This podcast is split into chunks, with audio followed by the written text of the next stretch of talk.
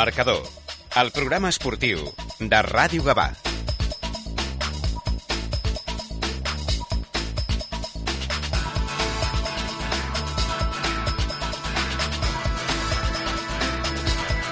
Molt bona tarda, benvinguts a una nova edició, a una nova temporada del Marcador, el programa esportiu de Ràdio Gavà, que com sempre a través del 91.2 de la FM us acosta l'actualitat esportiva que ens ha deixat el cap de setmana.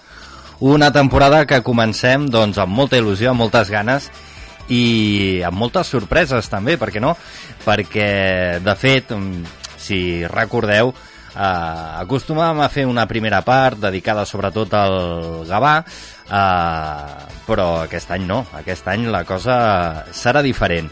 Uh, no només parlarem del Gavà en aquesta primera part del programa, sinó també de l'Sporting uh, Gavà, ja que tots dos doncs, uh, comparteixen uh, competició a la segona catalana i, per tant, doncs, el més just és parlar de tots dos equips uh, al mateix uh, nivell.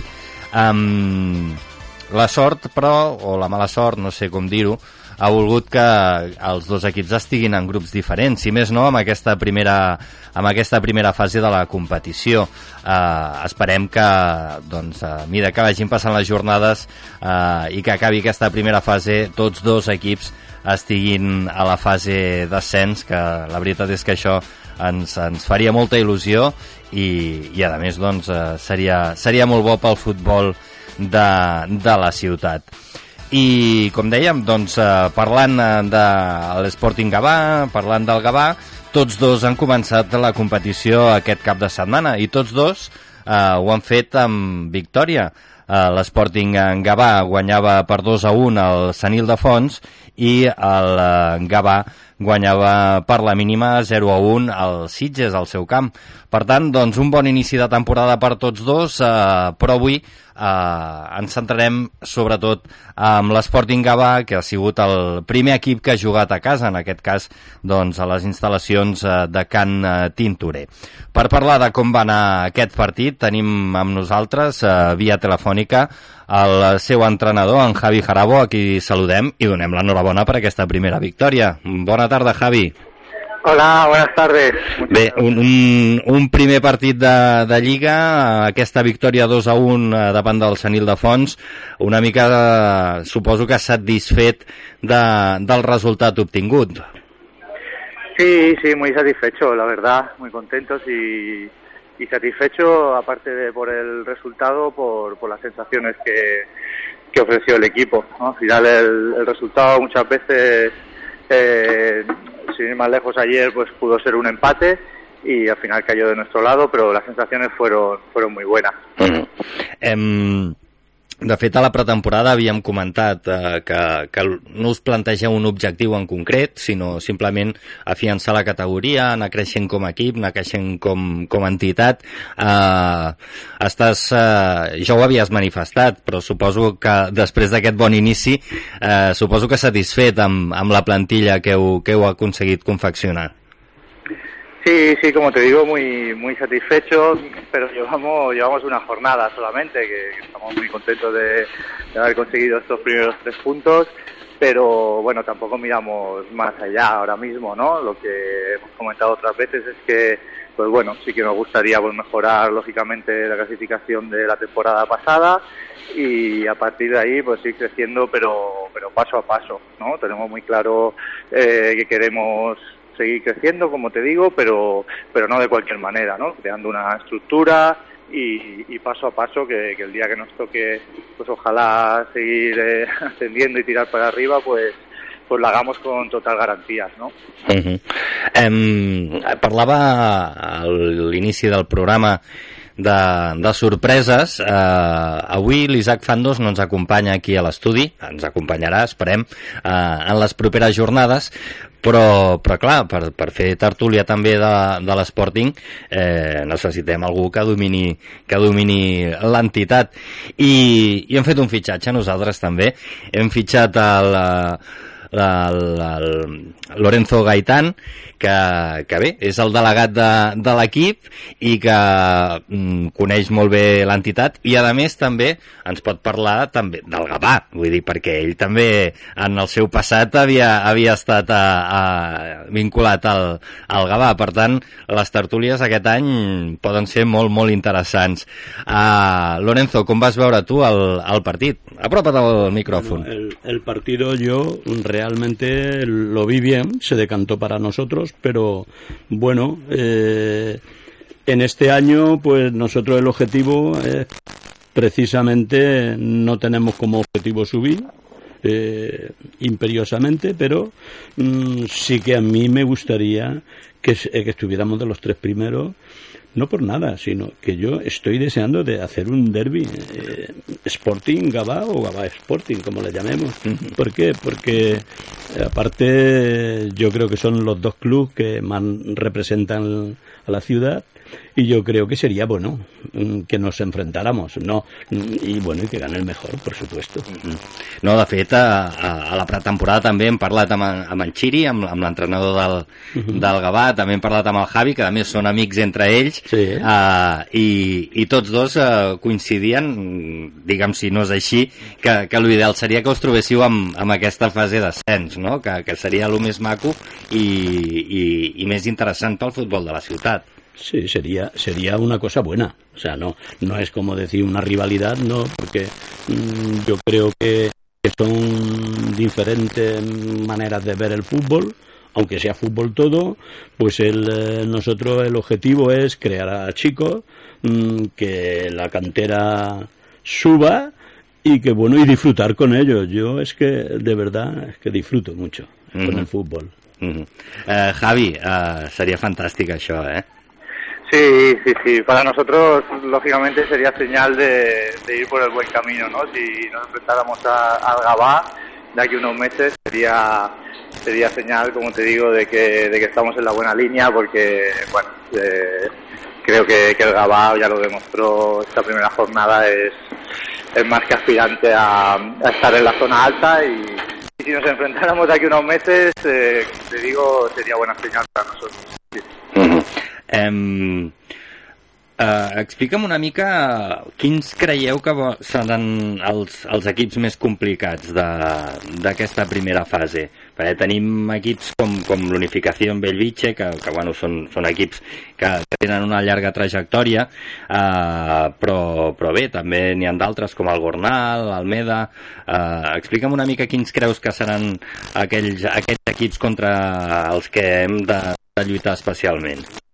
Mm, eh, nuestro grupo, yo, yo veo un grupo muy competitivo, ¿no? Tiene de 11 equipos, pues te pones a mirar y analizar uno por uno y prácticamente todos eh, son equipos que tienen una larga trayectoria en segunda catalana, eh, equipos que en su campo especialmente so, suelen ser equipos ganadores, entonces eso hace que, que sea un grupo muy competido, ¿no? Que, que casi prácticamente cada semana pues tengas tengas un, un partido complicado y, que sea difícil sacar sacar los puntos, ¿no? Eso eso hace que tampoco veas a día de hoy ningún equipo favorito por encima de otro, pero pero bueno, hace una liga muy interesante porque ya digo, cualquier la sensación que cualquier equipo lo va a tener complicado para ganar i, i que estaremos varios equipos ahí. Mm. Eh, suposo que amb aquestes categories eh, apel·lar al, al xolismo que, que es diu, no? El, el, el partido a partido eh, no és que sigui una filosofia sinó que és la realitat perquè qualsevol equip pot guanyar a qualsevol. Sí. Sí, sí. Sí, especialmente, en, como te digo, en nuestro, en nuestro grupo, quizá en, en el otro grupo, pues que a priori, ¿eh? siempre estamos hablando a las alturas que estamos, pues, pues ves a lo mejor equipos que pueden estar más destacados. En, en nuestro grupo, en el A, eh, creo que va a reinar la, la igualdad y que, y que, bueno, partido a partido, pues, pues como tú dices, es, eh, eh, se suele decir, pero es que es la, es la realidad, ¿no?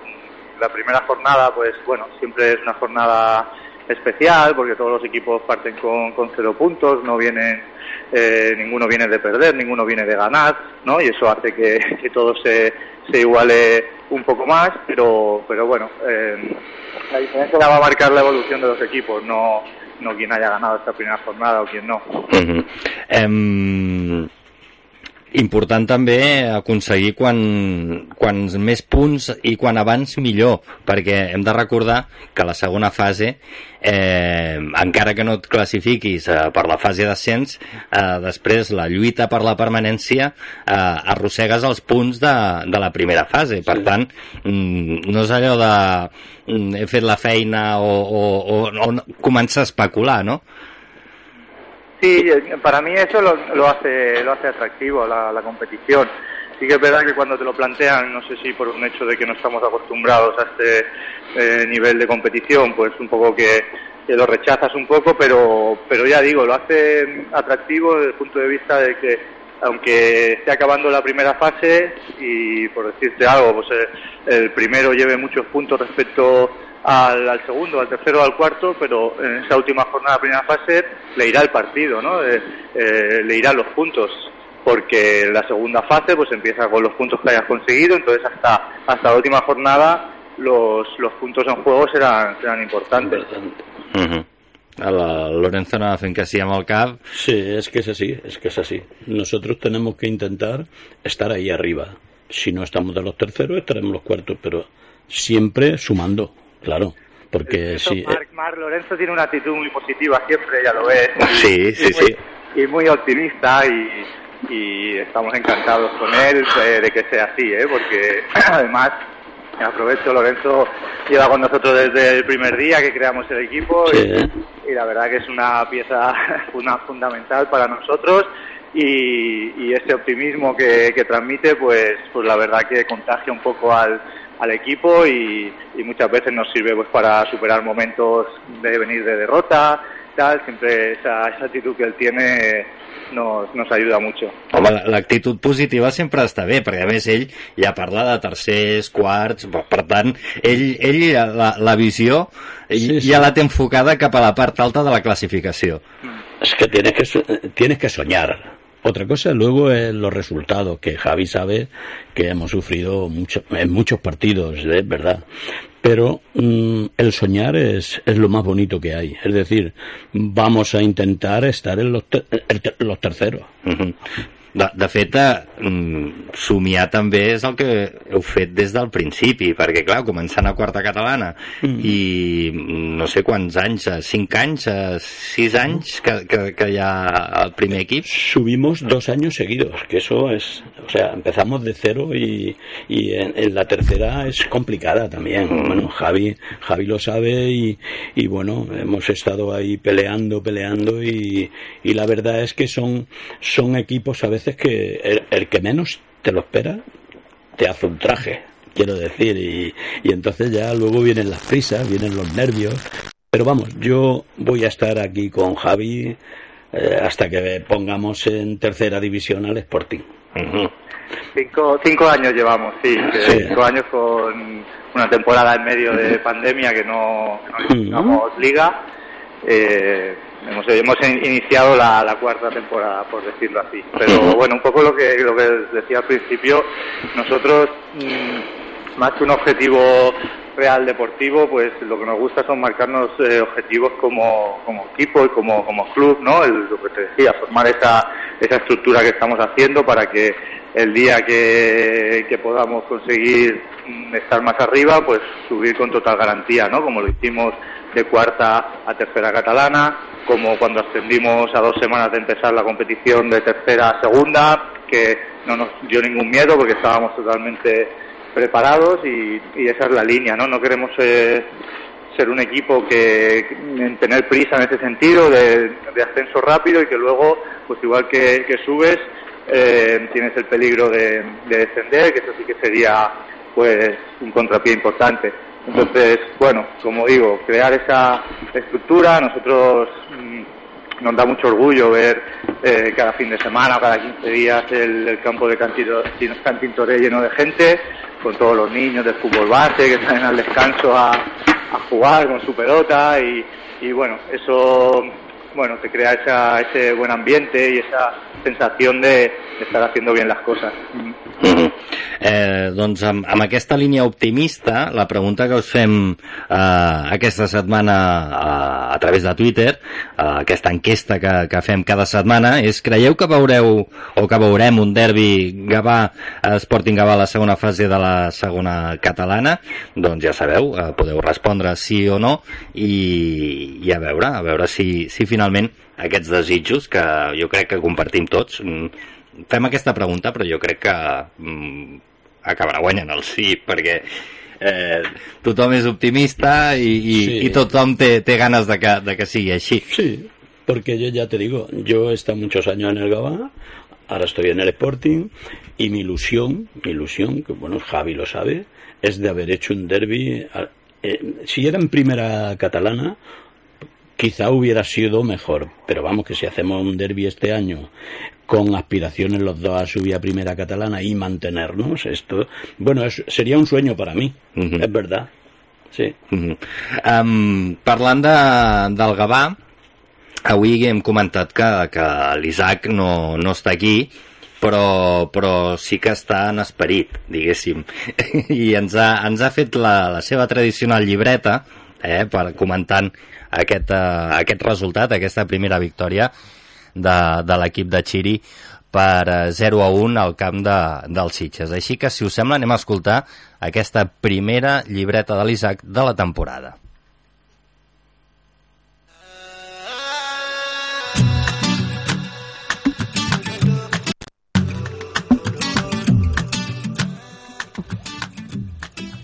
Doncs tenim la primera llibreta de la temporada, per sort amb victòria, amb el primer punt, com sempre, l'apartat tàctic del partit, amb un 4-3-3, que va ser potser inesperat, tot i que en fases es va poder veure també fins i tot un 4-2-3-1, i l'equip va acabar amb línia 5, una mica el que hem anat veient durant tota la pretemporada, molta flexibilitat tàctica, amb Gibernau intentant fer una mica de punt de suport en el mig del camp, que sí que a la pretemporada havíem vist més aviat dos pivots amb una línia de tres mitja puntes, amb ja parelles que, i sinergies que comencen a ser molt importants, com la de Kiereme i Joel Paredes, per exemple, a la punta davantera, i un apartat tàctic que crec que durant aquesta temporada tindrà molta, molta ressonància i serà molt important perquè anirem, anirem variant. El segon punt, doncs, la tensió i la intensitat que, que va mostrar el partit. Molt interromput, per una part, això sí, però al final també va reflexar bé el que és la segona catalana, el que són dos equips que volien eh, guanyar el primer partit perquè volen estar dalt per intentar pujar i el que va ser un bon partit, tot i que futbolísticament, doncs, evidentment, aquests partits tan trebats, al final a l'espectador no, potser no li agraden tant, tot i que sí que tenen l'atenció pròpia d'un bon partit.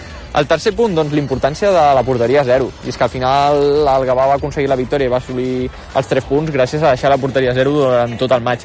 I havia costat durant la pretemporada no encaixar gols i en canvi ho va aconseguir a la, a la primera jornada al camp del que potser és el gran favorit del grup per lluitar per l'ascens juntament amb el Gavà. Per tant, eh, el que, dei, el que diem sempre, les pretemporades només és per agafar ritme i sensacions i després els resultats eh, i, i els partits que valen punts són a partir de la jornada 1. El quart punt, doncs, igual d'important que és deixar la porteria a zero, també és molt important en el món del futbol creure fins al final. I el Gavà ho va aconseguir i va creure quan el partit potser estava més complicat. En el tram final, amb un Sitges apretant, va aconseguir Quiereme forçar l'expulsió de Montesinos perquè el Sitges es quedés amb 10 i a partir d'allà créixer i intentar buscar la victòria que finalment es va assolir en el 12è minut de, de l'afegit. I el cinquè punt per tancar la llibreta, doncs, l'impuls moral que donarà aquesta, aquesta victòria al Gavà si ja és important començar amb victòria, encara més si ho aconsegueixes al camp d'un dels favorits per eh, pujar i un rival directe en aquesta primera fase pel Gavà. Per tant, un impuls moral molt important que caldrà donar-li continuïtat a la segona jornada i en el que en aquesta primera fase cal ressaltar que tots els punts són importants perquè són acumulatius de cara a la segona.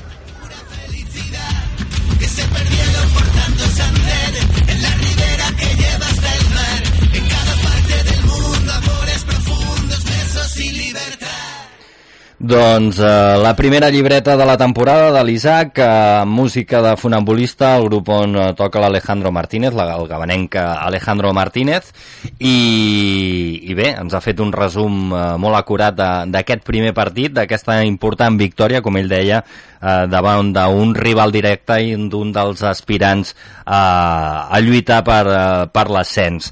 Eh, jo sempre ho comento als que estan aquí, què, què, què us ha semblat l'anàlisi? No sé, Javi, si has pogut parlar amb en Xiri o no, uh, si heu comentat una mica els vostres respectius partits.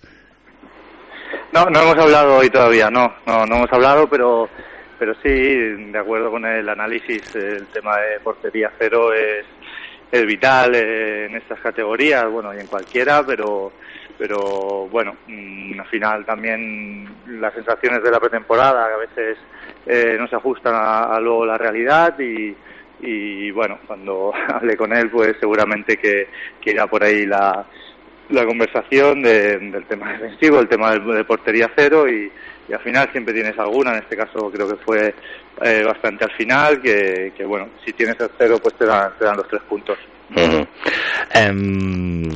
Anem a, anem a repassar els resultats de, de les dues eh, de les, dels dos grups eh, és una, una mica complicat el subgrup A 3A és, és, és una mica complicat eh? ens ho han posat molt difícil sí, sí.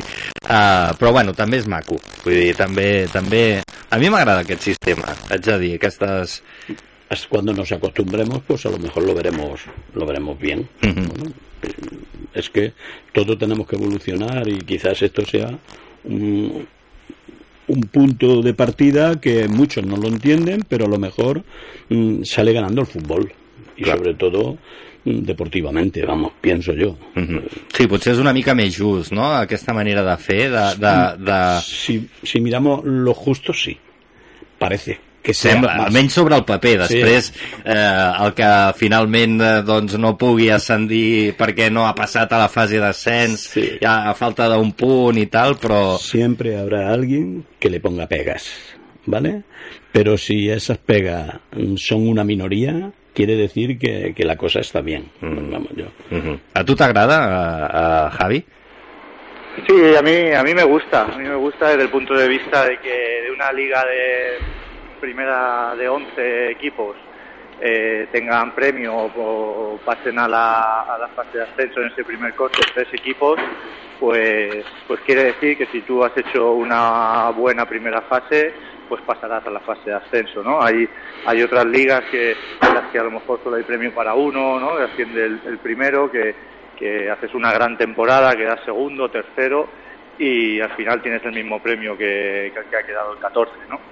Digas que a lo mejor has, perdido tres partidos en todo el año, has hecho una liga espectacular y, y te quedas igual. Este sistema pues eh, te da que si tú haces una gran temporada, eh, prácticamente seguro tienes, tienes premio porque entras en los tres eh, primeros de 11 equipos y luego en una liga de seis pues otra vez eh, la mitad de los equipos, tres, incluso algún cuarto, pues puede, puede hacer eso te da que si, como te digo, si, si haces una buena, una buena temporada, pues seguramente tendrás premio y eso lo hace más justo, no? Lo hace más justo. Uh -huh.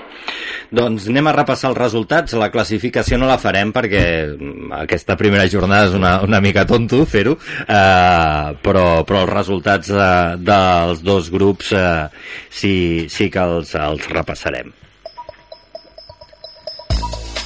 Doncs el subgrup 3A, el grup de l'Sporting Gavà, els resultats són els següents. Gornal 4, Valldoreig 2, eh, Marianao Poblet 0, Almeda 3, el Terlinca va descansar aquesta jornada, Levante Les Planes 3, Unificació Bellvitge 1 i Sant Ignasi 0, Legends l'Hospitalet 0 i el que ja coneixem, l'Sporting Gavà 2, Sant Ildefons 1. I pel que fa al subgrup 3B, el del eh, Club de Futbol Gavà, els resultats són els següents. Eh, Moja 2, eh, Sant Feliuenc B 0, Sitges 0, Gavà 1, Fundació Atlètic Vilafranca 2, Vista Alegre 0, Cabrils 1, Espluguenc 1, Sant Vicenç dels Horts 1 i Penya Jove de les Roquetes 0. El Cubelles aquest cap de setmana ha descansat.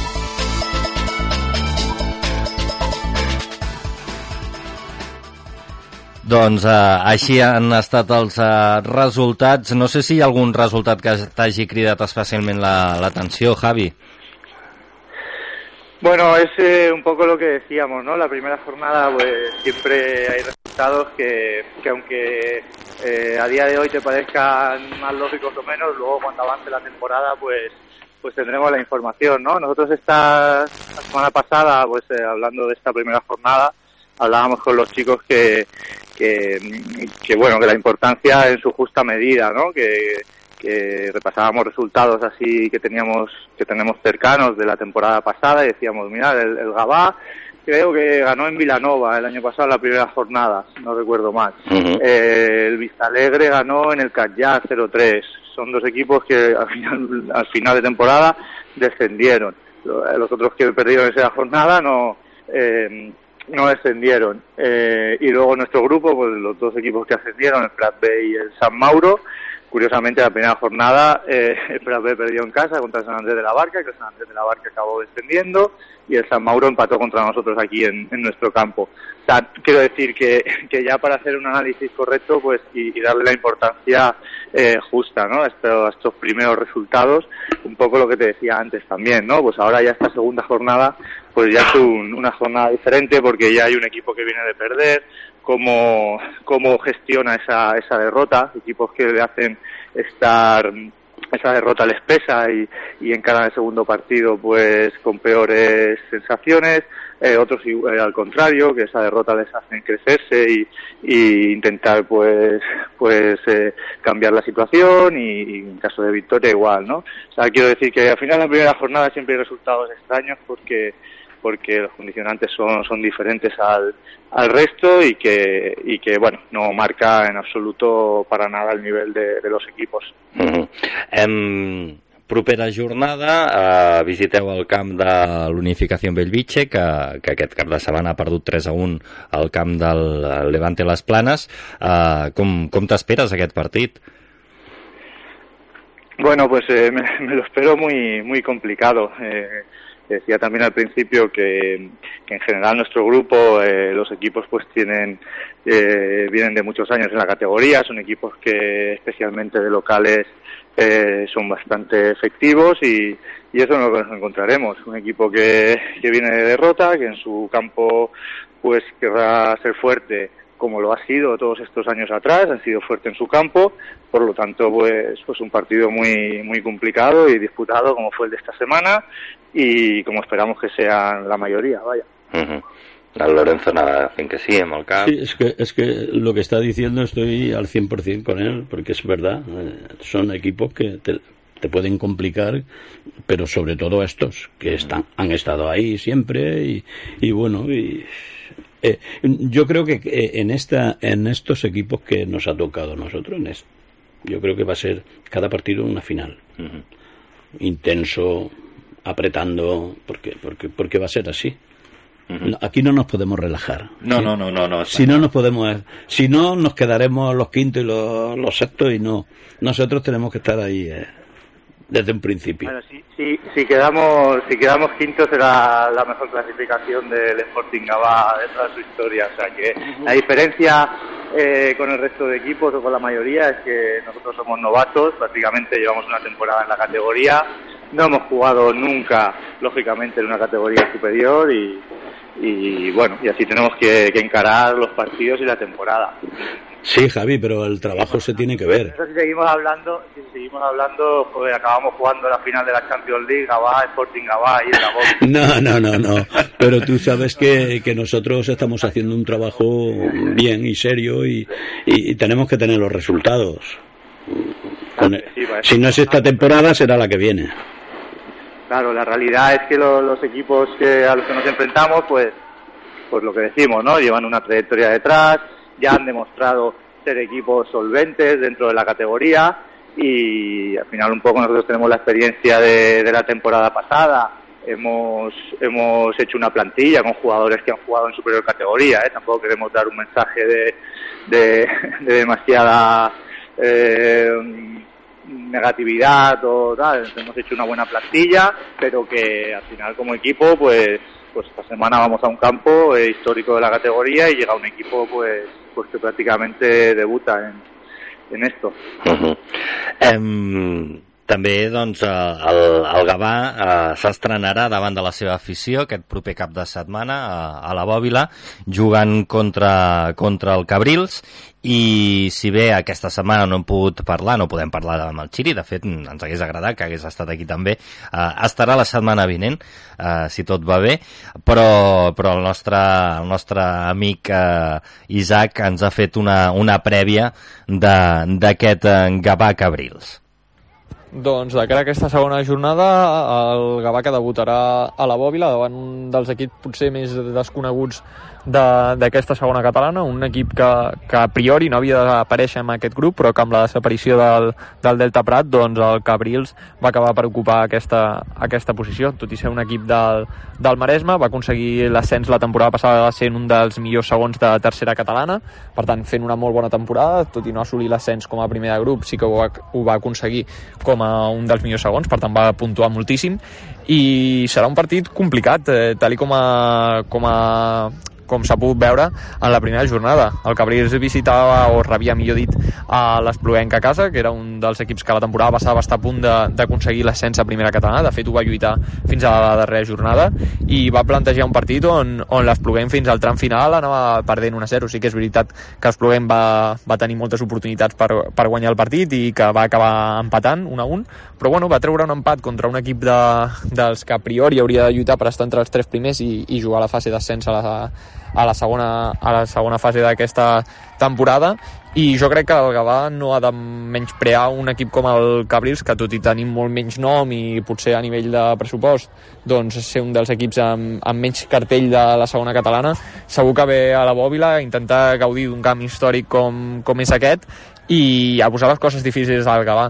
Com dèiem a la llibreta també serà molt important el fet d'intentar sumar els tres punts, perquè com bé sabem a la segona fase els punts són acumulatius i per tant qualsevol punt que aconsegueixi sumar el Gavà servirà de cara a l'ascens. Eh, ho, ho parlarem durant tota la temporada, però una molt bona primera fase et pot deixar amb l'ascens a tocar i una primera fase en la que et classifiquis com a tercer i una mica d'aquella forma et pot deixar, tot i que en el grup d'ascens, però amb una situació en la que en la segona fase, amb equips molt complicats, hauries de guanyar pràcticament tots els partits per intentar assolir l'ascens. Per tant, serà molt important puntuar tot el que es pugui a la, a la primera fase, intentar ser sempre sumar de 3 en 3 i serà molt important també el factor Bòbila. Recordem que l'equip no ha jugat cap partit a la Bòbila aquesta temporada, per tant serà l'estrena a la Bòbila per gran part de la plantilla i la motivació per jugar a casa i, i que la gent arropi a l'equip i veure aquesta primera prova i aquesta primera connexió entre l'equip i la graderia serà molt important per una temporada en la que el factor Bòbila ha de ser determinant si el Gavà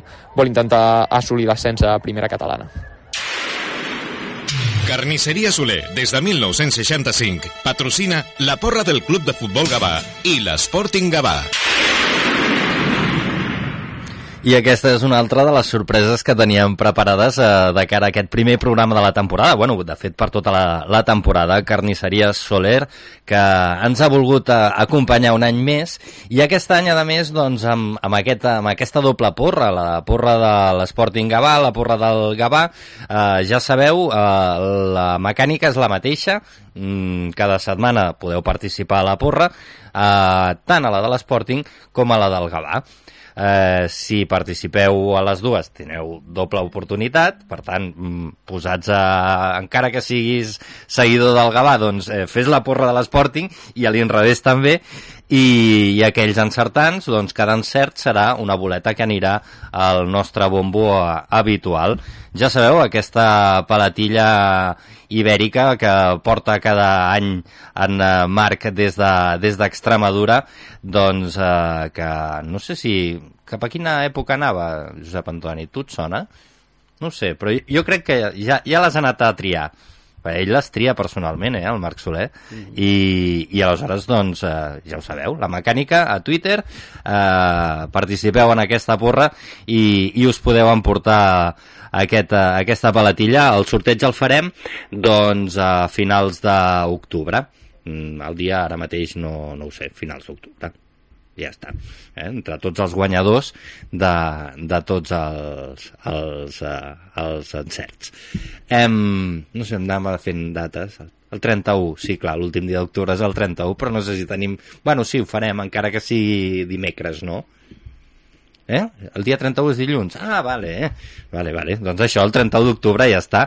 Uh, 31 d'octubre, sorteig entre els guanyadors de les porres de l'Sporting i del Gavà. Em... Vinga, va. Em...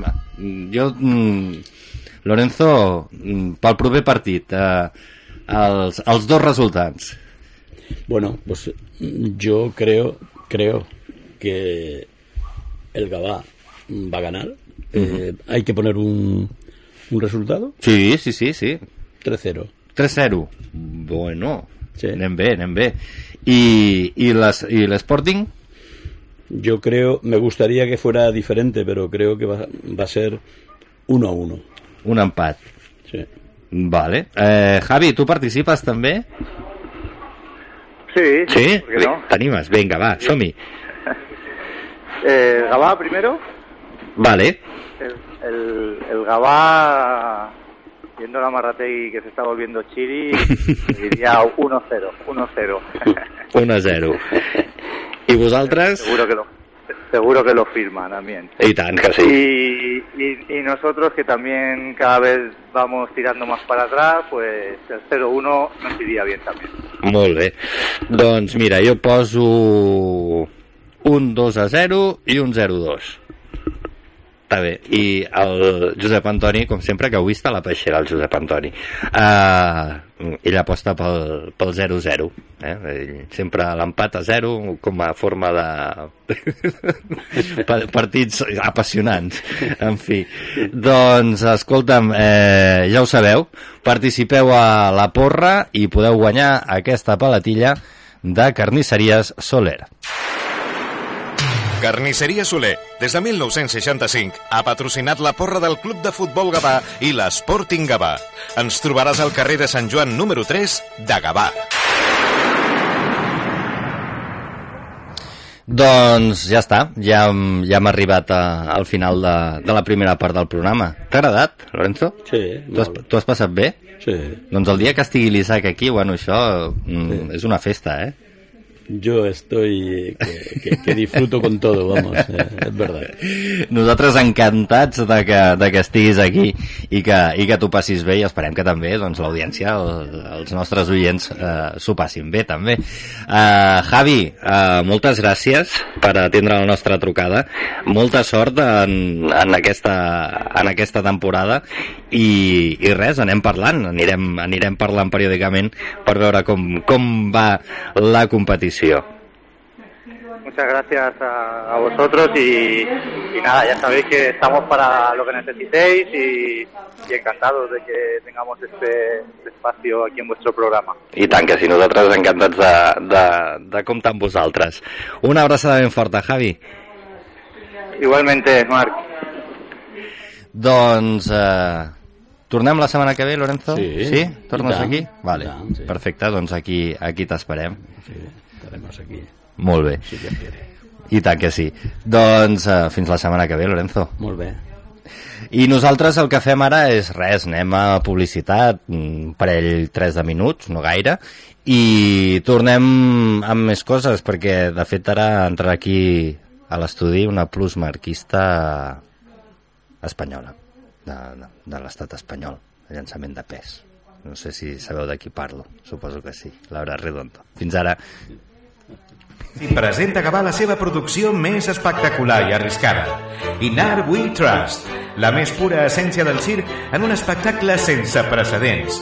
Màgia, trapecistes, contorsions impossibles, risc, humor, números únics al món. Dues hores de pura emoció que no oblidaràs. A la plaça Francesc Macià, compra ara les teves entrades a circorreluy.com o a la taquilla del circ. Hola. Vida Mejor, tu inmobiliaria en Gabá, tiene un plan sencillo para que vendas tu piso seguro y es que disponemos de más de 2.400 compradores para ti. Además, Vida Mejor pone a tu disposición un magnífico equipo de expertos inmobiliarios y coordinadoras que te acompañarán hasta el mismo día de la notaría. Te esperan en Paseo Maragall número 20. Vida Mejor, la inmobiliaria con suerte en Gabá. ¿Os gusta el cine? ¿Queréis saber todo sobre el séptimo arte pero no os atrevéis a preguntar? Cine clásico y últimos estrenos, bandas sonoras de películas y series de televisión, análisis de largometrajes y noticias del pasado y el presente. Si os apetece dar un paseo con nosotros por La Séptima Calle. Todos los martes de 8 a 9 de la noche en la sintonía de Radio Gabá en el 91.2 de la FM y a partir de las 21 horas en iVox. Os esperamos Maraya Meneses Washington y Xavi Marín para que todos juntos recorramos la séptima calle. T'hi esperem a Autovivo. Restrena cotxe. Més de 200 vehicles de gerència, quilòmetre zero i seminous, de les millors marques i amb total garantia, estan a la teva disposició. Dissabtes obrim matí i tarda. Vine a veure'ns a la carretera Santa Creu de Calafell 95 a Sant Boi de Llobregat. Autovivo.es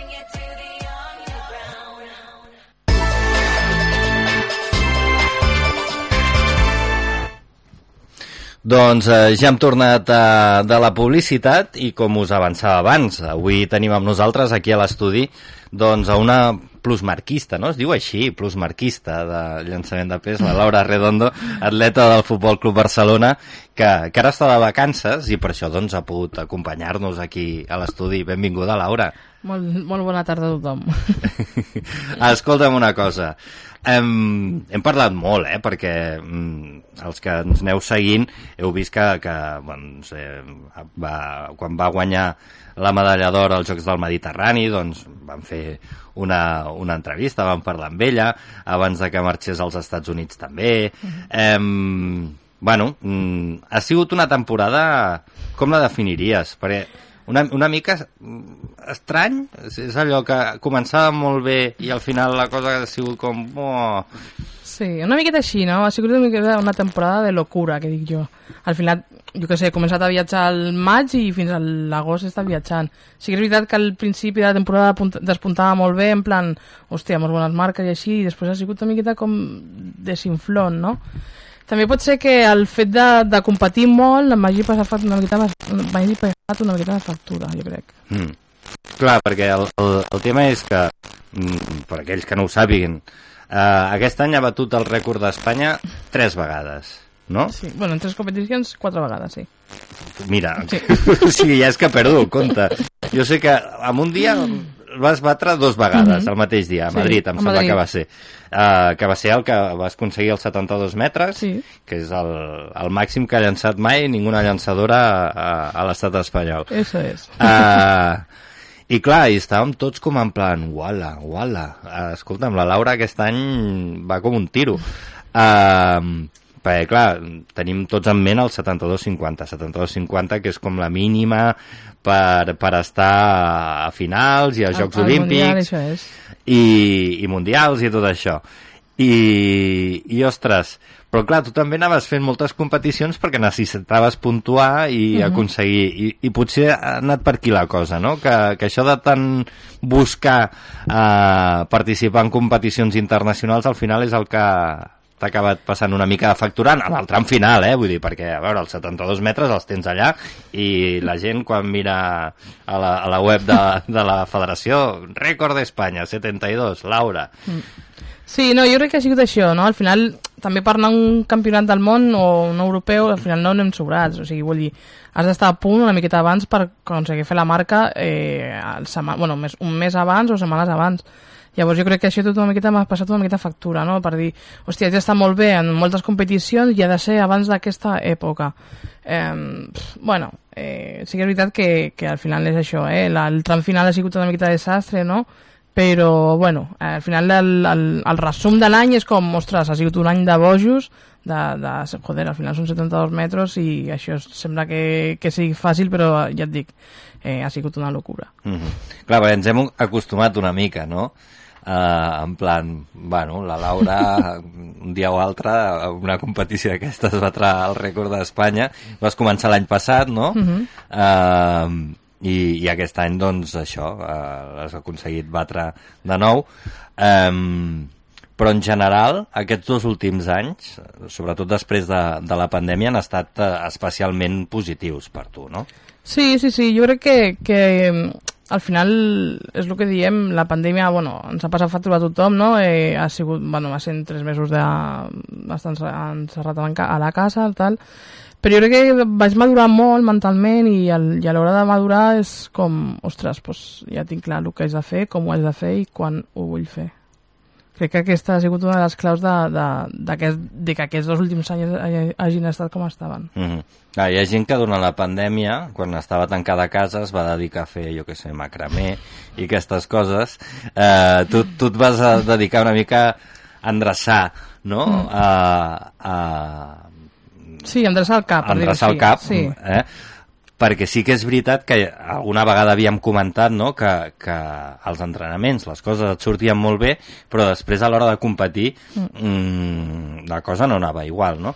I, i potser has, has aconseguit arreglar una mica això, no? De que eh, la competició vagi igual de bé que, el, que els entrenaments. Sí, sí, sí que és veritat que vaig tenir uns anys una miqueta que així com, jo que sé, entrenava molt bé, estava bé i realment després anava a competir i era com, ostres, no està sortint del tot com, com, com ho estàs fent realment. Però bueno, ja et dic, crec que és això, eh? vaig entrar al cap a la pandèmia, vaig estar eh, segura del que havia de fer, de com ho havia de fer i, i crec que em va venir fins i tot bé, mm -hmm. no? estar una miqueta tancada a casa. Va, de tant en tant. El que passa és que potser per aquestes circumstàncies doncs no, no, no seria la millor, la millor cosa, no? Però, però sí que de tant en tant, no? Allò mm. que cadascú eh, faci una mica d'introspecció, no? Una sí. setmaneta, un, encara que sigui una setmaneta, sí, allò, sí, anar-se'n sí. sol a algun lloc i... Una mica de, de, respiro, de retiro espiritual, ah, no? Exacte, exacte. um, I ara estàs de vacances, descansant. Sí, ara porto... Bueno, aquesta és la tercera setmana... Bueno, seria la quarta setmana que començo i començo dimecres a entrenar. Uh Mhm. -huh. O sigui, porto tres setmanes i mitja de vacances. I què tal les vacances? Bé? pues la veritat és que bastant bé. no et diré que no. Sí que és veritat que és una miqueta complicat aquests mesos, no? perquè al final ara ja al, al, al final d'agost, principi de setembre, la gent ja està una miqueta de tornada, no? Mm. Però bueno, sempre busques anar fent cosetes, eh, treure, o sigui, sortir dels mateixos llocs eh, i fer una miqueta de vida diferent a el que fas durant l'any. Uh -huh. Disfrutar, per dir-ho així. Deixar d'anar al car, sí. eh, anar a la platja Sí. o anar on et Sí, sortir una peti. miqueta de festa, no? També, que això també, va bé. També, pel cap també, també va bé, pel cap, sí, sí, sí, sí. sí. Sí. I, I ara aquest dimecres ja tornes. Sí, el dimecres torno a començar, però bueno, començo en plan light, eh? Mm, Només tres dies a la setmana per no cansar-me molt. No, és broma.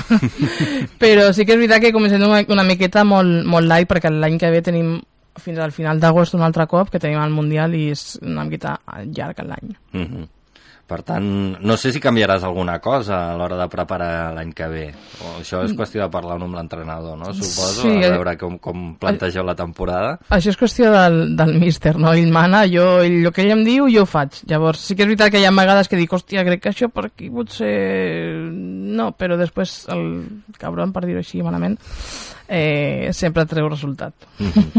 Um, parlant del, del míster, uh, també aquests dos anys uh, hi ha hagut un canvi forçat, malauradament, de- de- d'entrenador, però, però que eh, també hem comentat alguna vegada, no?, que, que ha sigut positiu en quant a resultats uh, esportius. Sí, al final eh, és això, eh, va ser un canvi forçat, no? Eh, jo el, el, el Luis Lizaso, que és el que, l'entrenador que tinc ara, no el coneixia gaire, o sigui, el coneixia perquè estava per allà pel car, i sí que és veritat que ha sigut un bon descobriment, no? Al final hem connectat bastant bé, eh, els entrenos bé, llavors jo suposo que amb tot el que ja portava d'abans eh, i introduir coses noves, al final això és el que fa la, que la clau sigui, sigui, ha sigut la que, la que ha sigut, no? que al final m'ha fet com explotar una mica, no?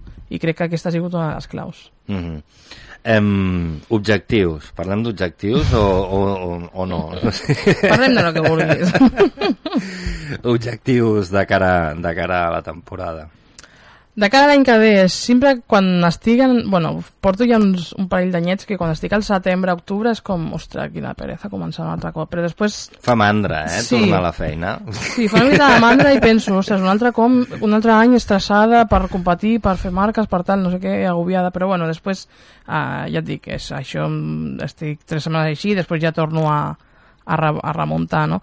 Però sí que és veritat, tenim Copa Europa llançaments a, a l'hivern, eh, després tenim Mundial a l'estiu i crec que res més així que sigui gran. Eh, llavors, al Mundial eh, em sonen les mínimes que les han pujat un altre cop i, són, i és com 73-80 o alguna així. Eh... Res, haurem de llançar 73, aconseguir punts, amb, amb, amb, amb challenge i coses d'aquestes, sí, sí, no? Sí a partir-nos un altre cop al cap per, per fer números, per tornar a lluitar-ho i, i, i res, ja et dic, la, al final l'objectiu principal és tornar a fer marca personal, no? que és rècord d'Espanya també, i, i sobretot, ja et dic, eh, disfrutar i passar-m'ho bé, perquè al final si no ho fas estàs tot el dia capficat en, en eix de, eix de, no, disfruta i després ja sortirà. Mm -hmm. Clar, perquè per la gent que no ho sàpigui, per, per anar a uns mundials o una competició d'aquestes internacionals, hi pots anar aconseguint la mínima, mm -hmm que en aquest cas són aquests 73-80, o sigui, oblidem-nos del 72-50, que això ja ha passat ah, això ja ha passat. eh, el 73-80 o si no a través de punts no? Uh -huh. eh, que, que aconsegueixes doncs això fent rècord del teu país participant sí. en competicions eh, challenge que es fan eh, internacionals i tal i et van donant punts i vas pujant el, el rànquing com si fos el rànquing ATP de sí, tenis sí, més o menys. pues lo mismo i, i així aconsegueixes, no? Que és una mica com vas aconseguir en els Jocs Olímpics. Eso és. Que, és... que bé que portes els, ah, les sí, anelles sí, vaig, vaig fer una, tatuades. Vaig fer algo. Però sí, sí, és això, és, ja et dic, és, o aconseguís una marca que, que en aquest cas el 73-80 és per mm, aconseguir estar entre les 5 primeres si fas allà la competició i si no és això, rànquing rotllo l'ATP i, i esperar que les demás no llencin molt per, per poder anar-hi. Uh mhm. -huh. Escolta'm una cosa, jo sempre ho he preguntat. D'on et ve això de llançar? perquè, perquè, clar, diguéssim que no és, no és la modalitat més popular, diguéssim, de, dins de l'atletisme, no? La gent, pues, de seguida, no, jo vull fer atletisme, jo vull córrer els 100 metres llisos. Sí, o, o, o córrer fons, sí. O córrer fons, fer els 5.000 sí. metres i tal. O vull ser maratoniano, saps? Bueno, això ja és més complicat, però... Sí, ja és més, més liat. Però, però llançament de martell, pues sí que és veritat que al final jo és el que, el que dic sempre eh? i crec que és el que va passar realment i, i em sona que al final quan comences a, a fer atletisme comences a fer de tot mm -hmm. i al final jo era una nena pues, jo que sé, era més bruta que de lo normal no? sempre anava jugant, sempre anava tirant pedres i al final de tirar pedres pues, vas començar a llançar i una miqueta bruta i ja et dic, eh, començar, vaig començar amb el pes, després amb el disc i mm, bastant tard vaig començar amb el martell. O sigui, jo en principi feia disc, però clar, al final soc no sóc gaire gran, sóc petitoneta, eh, tinc els braços curts i al final per, per est no estètica, sinó per, per eh, com es diu? Sí, per la Constitució. Sí, sen, o sigui, no era viable que llancés molt lluny. I ja et dic, vaig provar el martell i em va agradar i de seguida vaig començar a millorar ràpid i va ser com, ostres, això va molt bé. I així va ser una miqueta l'amor aquest amb els llançaments. Uh mhm. -huh. I, i clar, suposo que la primera vegada que entres dins de la gàbia amb un martell dius, aquí prendré, prendré un mal i acabaré amb el martell enrotllat al coll, o què? Sí, sí, sí que és veritat. Al final vaig començar aquí a Gavà, me'n recordo, i llançàvem uns martells que eren una corda amb una, amb una pilota medicinal molt gran i era com super raro, perquè realment un martell és un cable de ferro amb una boleta de ferro petita. Uh -huh. Però clar, aquí no podem llançar i va ser una miqueta raro i, és, i va ser com ostres, això m'ho lligaré pel cap o algo, no, però al final va sortir tot bé i aquí estic en aquest moment. Eh, I a més de, de, de competir i de ser atleta del Futbol Club Barcelona, la teva relació amb Gavà mm, s'ha mantingut durant tot aquest temps, no? Ara, ara, ara ets, ets profe de, mm. de, de, del club.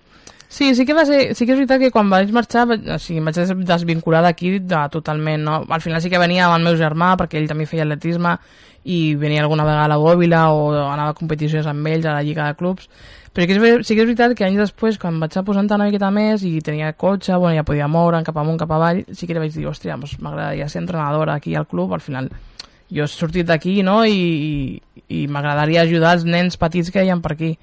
I així ha sigut, porto, no sé si porto ja 7 o 8 o 9 anys, ja no he perdut la compte, i, i ja et dic que estic aquí al club eh, ben contenta i passo quasi, quasi totes les tardes aquí menys els, els dijous que és una miqueta de dia de festa. Uh -huh, descansar sí, una mica.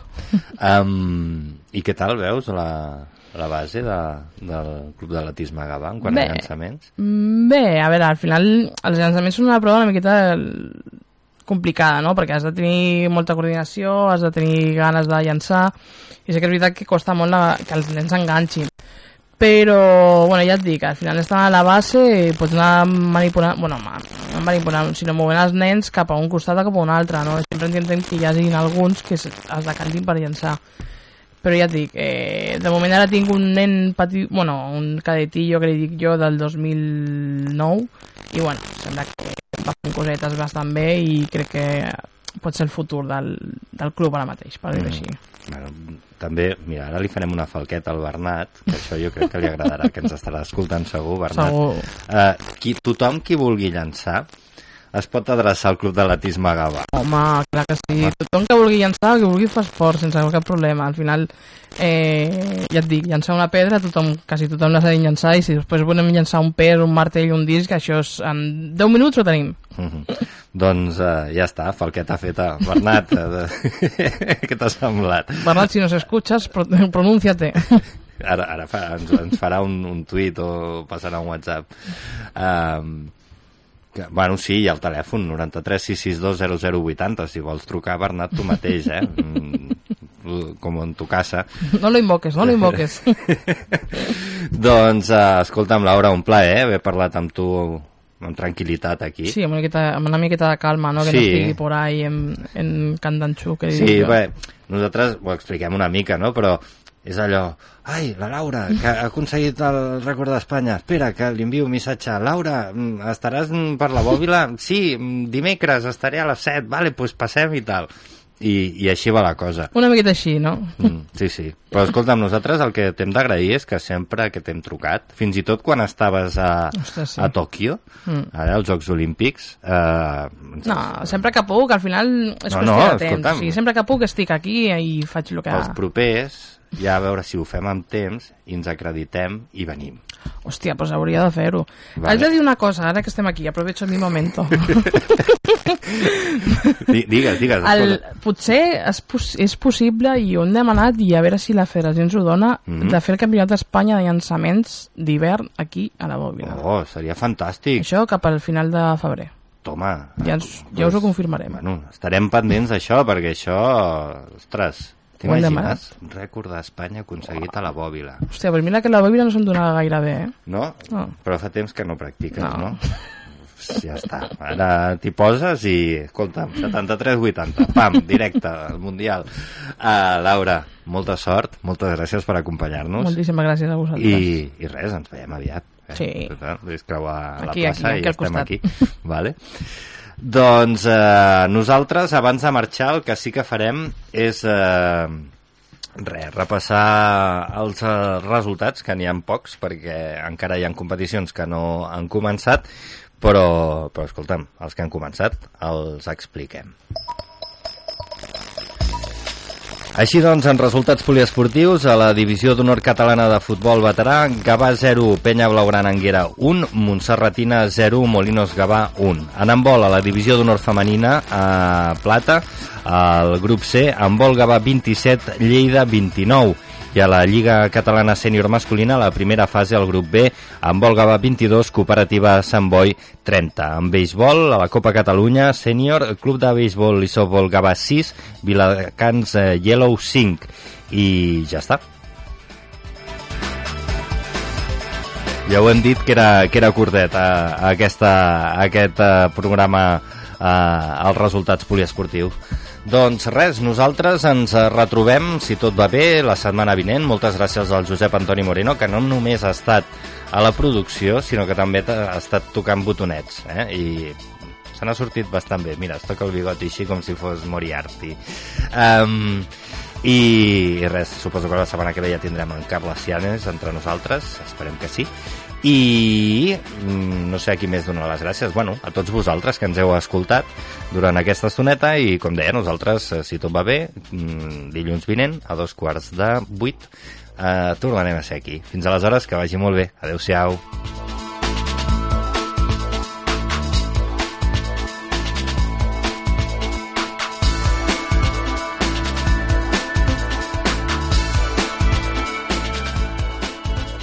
Això és Ràdio Gavà.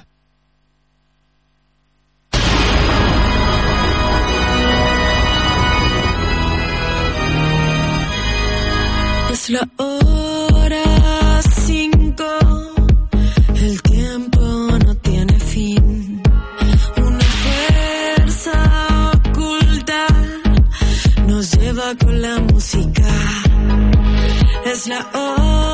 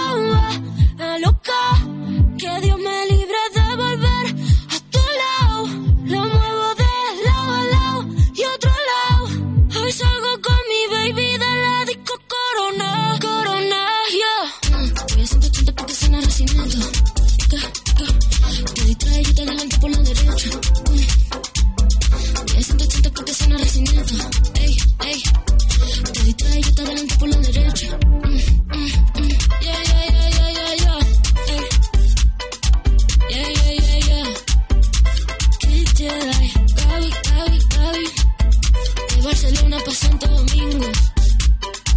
La Rosalía.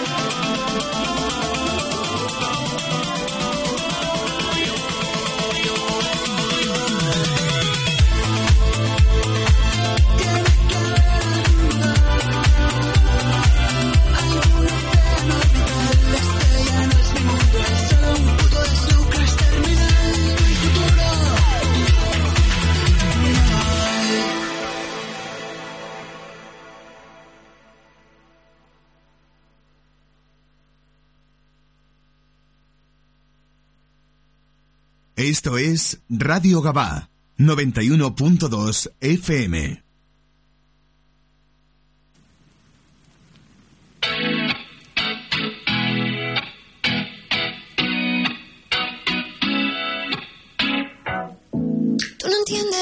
Pasa en mi mente si me estás mirando. Tú lo sientes, pero yo siento más si te vas acercando y tú me lo quieres pedir. Yo te lo quiero dar. Ven, vamos a seguir bailando así. Toda la noche bailando así. No puedo parar cuando me toca así. Solito en el coche, tú y yo en mi casa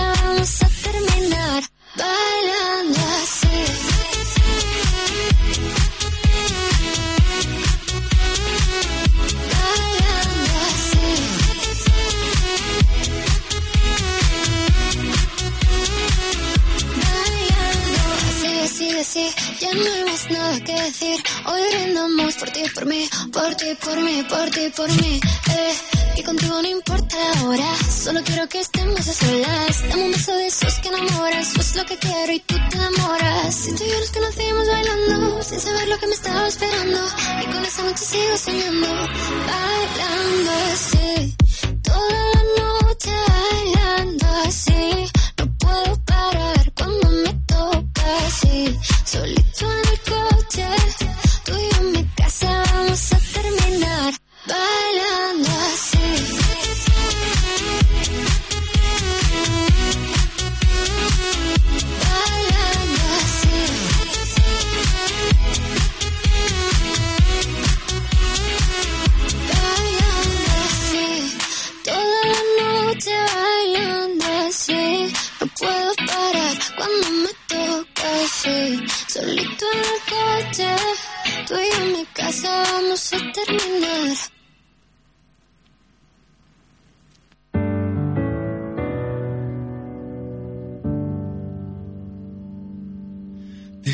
La misión perdida y se quedó en un vuelo.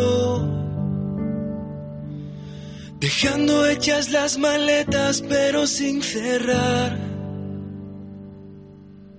Dejamos de vivir los dos en el mismo momento y ahora cada cual tendrá su propio cuento porque el nuestro no pudo ser.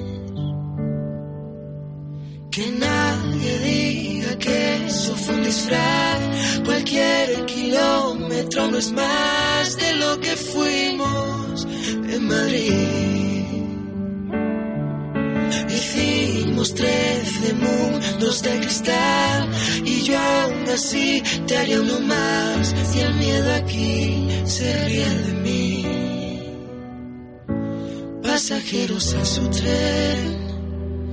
Ya me quedé sin aire, miro y no veo a nadie. La distancia diste de culpable. La culpa es tuya y mía por cobardes. Ya me quedé sin aire, vendo mi piel al arte. No me quedan fuerzas para cantarte. ¿Qué le ha pasado a nuestro último baile? Lo siento,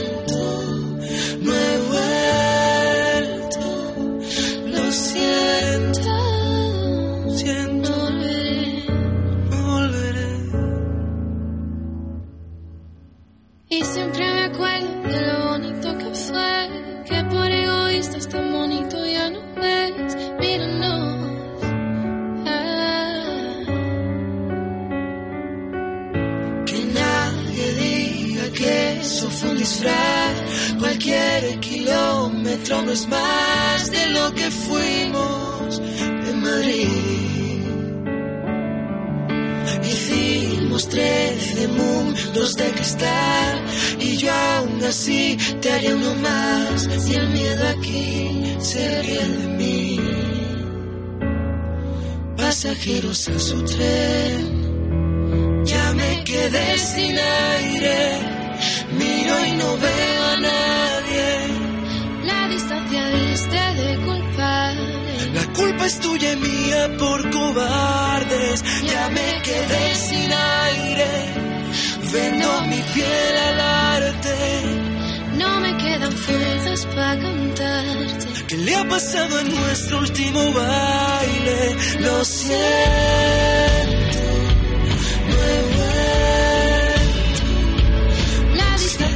triste de culpar. La culpa es tuya y mía por cobardes. Ya me